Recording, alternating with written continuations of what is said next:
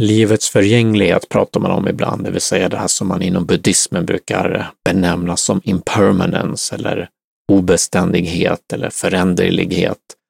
Säger vi ibland livets förgänglighet, att livet förändras, vårt liv förändras, vi förändras, våra fysiska kroppar, cellerna byts ut, eh, likt om vi skulle ha en legokonstruktion av oss själva, så med vad det nu är, ett eh, antal års mellanrum så byts alla delarna, alla legobitarna ut över tid.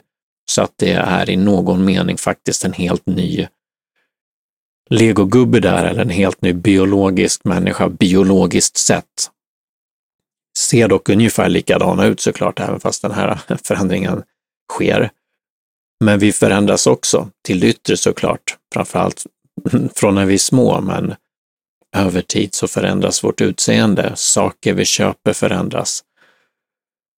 Våra relationer förändras. Våra känslor från ena stunden till den andra förändras. Våra tankar kommer och går. Dagarna kommer och går. På natten så försvinner dagen. Eller den här, det vakna tillståndet försvinner när vi lägger oss på natten för att sova och så uppstår en dröm. Finns den här kända sen berättelsen eller sen-munken eller vad han var, någon zenmästare som sa att han drömde att han var en fjäril. Och när han vaknade upp så, jag kommer inte ihåg hur han uttryckte det, men så undrade han om det var fjärilen som drömde att den var en människa eller om det var att han som drömde att han var fjärilen, något sånt åt det hållet. Jag kommer också att tänka på en serie som gick på Netflix, tror jag, som hette Awake. Där var det en kille som, eh, när han gick och somnade på natten så vaknade han upp i en annan värld som var ganska lik den han levde i, men ändå annorlunda, men ja, väldigt likt. Så. Och i den, ja, han blev ju då frågande till vad är egentligen verkligt? Vad är egentligen, eh, vad är det riktiga livet? Och så gick han till sin psykolog eller en psykolog i den där ena världen och så sa den här psykologen till honom, ja men det här är ju den, den riktiga världen, det måste du förstå. Så här. Och då sa han att, ja men det säger ju psykologen i, i den här andra världen också, när jag går och lägger mig. Men där, vet inte vad det har med det här att göra, men när vi lägger oss på natten så försvinner den här vakna, det vakna tillståndet, den vakna världen, det som vi kallar verklighet. Så hamnar vi i en annan verklighet som sen försvinner. Kan det komma en ny sådan verklighet som är en ny dröm och sen när vi vaknar upp på morgonen så försvinner den, likt den här fjärilen som försvann för sändmästaren som han drömde att han var. Så vaknar vi upp och så är vi i vanlig verklighet igen. De som är med om eh, sådana här nära döden-upplevelser, NDEs, near death experiences, brukar ju beskriva det så som att de ja, lämnar den här kroppen och hamnar någon annanstans, likt i en dröm. I tibetansk buddhism och olika typer av drömyoga så menar man att det här tillståndet som människor hamnar i när de eh, dör är så som en dröm. Det är därför de tränar på drömyoga för att vara uppmärksamma på det när det händer så att de är, blir varse att, om att det är en dröm så att de kan välja sin nästa reinkarnation eller välja att inte reinkarnera. Så är man väldigt tränad i att eh, vara medveten i drömtillståndet så menar de att när vi dör också hamnar i ett typ av, ett typ av bardo som de säger, eller ett typ av drömtillstånd, så ja, har vi mer möjligheter att välja där, mer frihet. Men det är också bara någonting annat. Men det visar också på någonting som är kvar, så vi tänker att döden är, eller jag vet inte vad man tänker, men vissa tänker att döden är slutet och det är ju såklart slut på någonting. Det är slut likt hur världen faktiskt, eller verkligheten faktiskt tar slut på egentligen precis samma sätt när vi lägger oss på natten och sover. vi dör då. Precis som vi gör när vi dör på riktigt. Det här försvinner, vår verklighet försvinner, allting försvinner. Vi tycker att det är helt normalt eftersom vi gör det varje natt. Men det är egentligen samma sak. Vi eh, försvinner bara, vi vet om att ja, men vi kommer vakna upp igen. Och eh, sannolikt i alla fall. Och vad människor som är med om sådana här nära döden-upplevelser säger är också det att de, när de dör då och hamnar i det här drömtillståndet, så likt när vi citattecken dör på natten när vi går och lägger oss, så upplever de inte det som direkt obehagligt, utan det är bara som en, ja men som en dröm. Så att det här vakna tillståndet blir som en dröm för dem.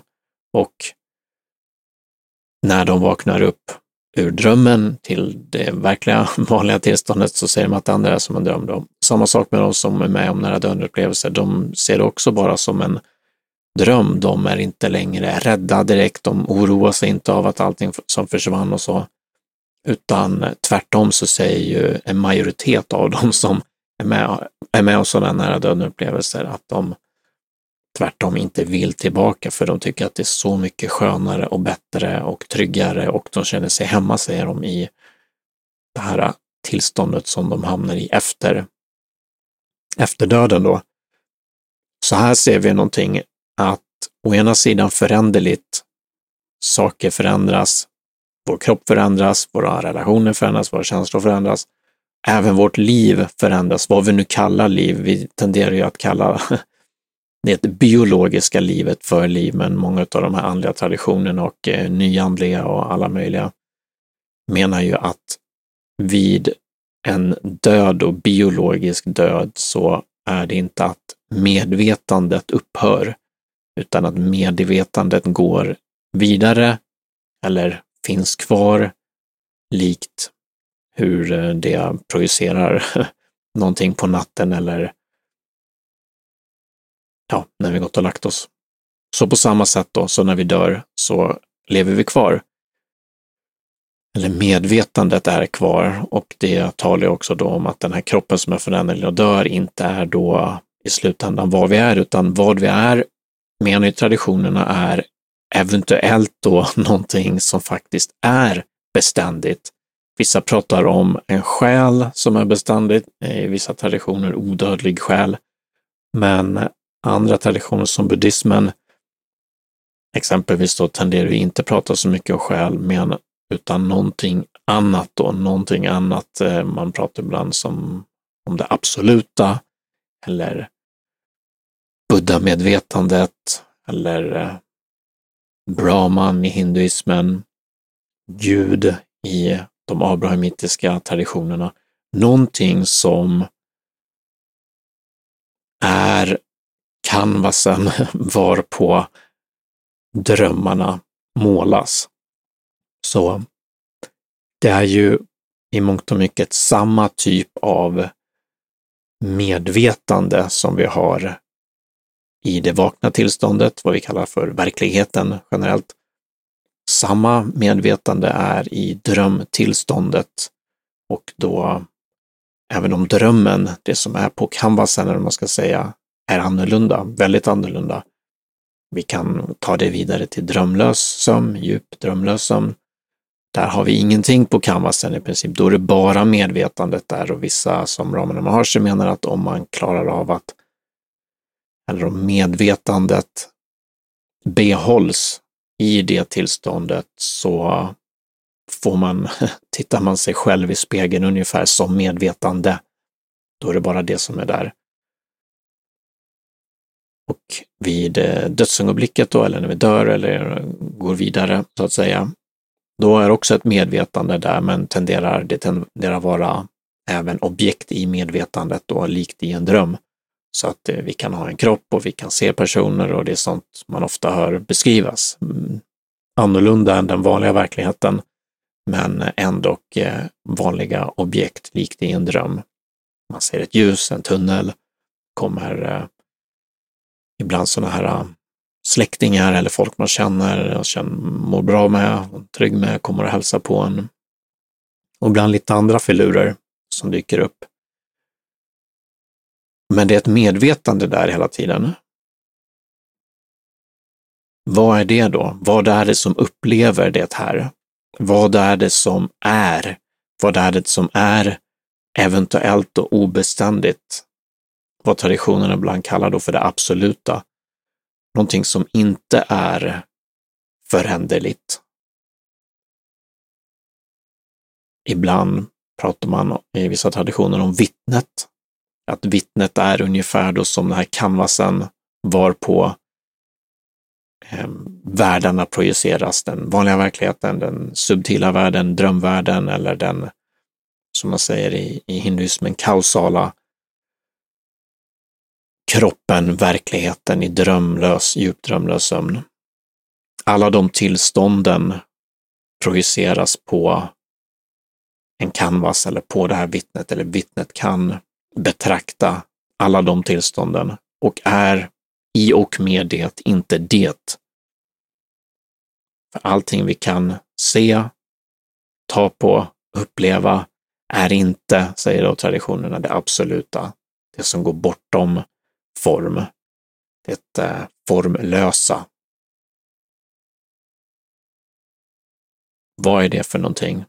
Det är någonting som samtidigt alltid finns där. I, genom all den här föränderligheten, eller förgängligheten, eller obeständigheten, i denna impermanence, där allting är föränderligt, så är det någonting som finns kvar. Och det är någonting som också är intressant med eh, inkarnationen då som människa, som biologisk varelse på jorden. Så även kan vi se det här att trots att, vad ska man säga, fysiska kroppen byts ut, cellerna byts ut, vi ser annorlunda ut, vi tänker annorlunda, vi känner något annorlunda, men någonting är detsamma. En typ av upplevelse av varande. Ibland beskrivs det som, som sådanhet. Men även om vi tar vittnet, vittnespositionen, så är den också. Den har ingen ålder. Den är bara, det är bara ett bevittnande av det som försiggår, av det som händer, av de objekten som finns i sinnet Och sinnet då med stort S eftersom det här sinnet då enligt vissa, och de flesta av de här andliga traditionerna och även de som är sådana döden, nära upplevelser är inte beroende av den fysiska kroppen då, utan den är beständig. Och det ger ju en lättnad för många att eh, känna det att eh, ja, men jag lever vidare. Det blir som så som många sociologer och vissa forskare och så där förklarar hela idén med religion, att det är en typ av napp, att eh, folk har att suga på för att inte vara så rädda för döden. Och mycket riktigt så, ja men de som är med om sådana här nära döden-upplevelser, de är generellt inte rädda för döden sen för att de ser att det inte är slutet då. Och det är slutet som folk är rädda för, att det tar slut ungefär. Och eh, då är de inte det, utan tvärtom igen då längtar tillbaka till det. För att det känns mycket bättre än den här eh, världen som de är i, den kroppen som de är i. Ja, så föränderligt menar buddhismen är, och många andra traditioner, lidande. Det eh, inkarnerade livet som biologisk varelse på jorden är tuff, utmanande och föränderlig. Vår biologiska kropp förändras, våra känslor förändras, allt möjligt och det är ofta på jobbiga sätt, utmanande sätt och döden inte minst då. Men samtidigt säger då de här traditionerna, andliga traditionerna som jag nämner ju buddhismen då, men i princip alla traditioner har eh, framförallt den mystika ådran av, den, ha, av dem har den här eh,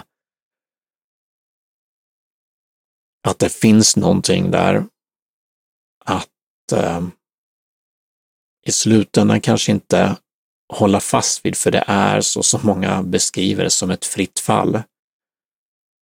Det finns ingenting att eh, förstå i slutändan. Det är inte att, att vi har den där nappen egentligen. Eller vad säger man? Tummen att suga på. Utan att vara i vad den kristna mystiken, kristna traditionerna kallar för icke-vetandets moln, är ingen trygghet direkt, utan det är också utmanande. Även om det finns någonting eventuellt och obeständigt i den, i obeständigheten, så är det inte nödvändigtvis att all oro upphör, men det är ändå någonting. Det är ändå någonting som många av de här traditionerna menar ger någon typ av eh, lättnad åtminstone. Någon typ av, eh, ja, vad många säger, likt de som varit med om nära döden, nära döden upplevelser, Svårt att prata idag. Likt det så säger många människor som gått igenom den här transfigurationen eller transformationen där de har vaknat upp och dött redan innan de dött så att säga.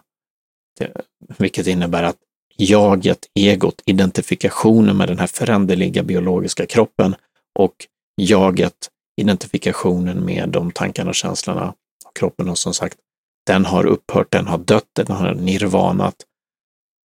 Det gör att de också säger, likt då de här nära döden upplevarna, att de inte är särskilt rädda för döden, för de har också en typ av upplevelse av att de inte är det. De inte är det som dör. Samtidigt som det också såklart är så att det här försvinner. Så allting vi har i den här världen, i den här verkligheten försvinner. Och även om någon förstår på något sätt eller tror på eller vad det nu är, att medvetandet fortsätter, så är det inte nödvändigtvis en tröst för att ge upp ehm, det, det här då, det vanliga livet med lätthet. Beroende på hur man har det. Vissa vill ju inte ens vara, vara vid det här livet, så för dem är det såklart lättare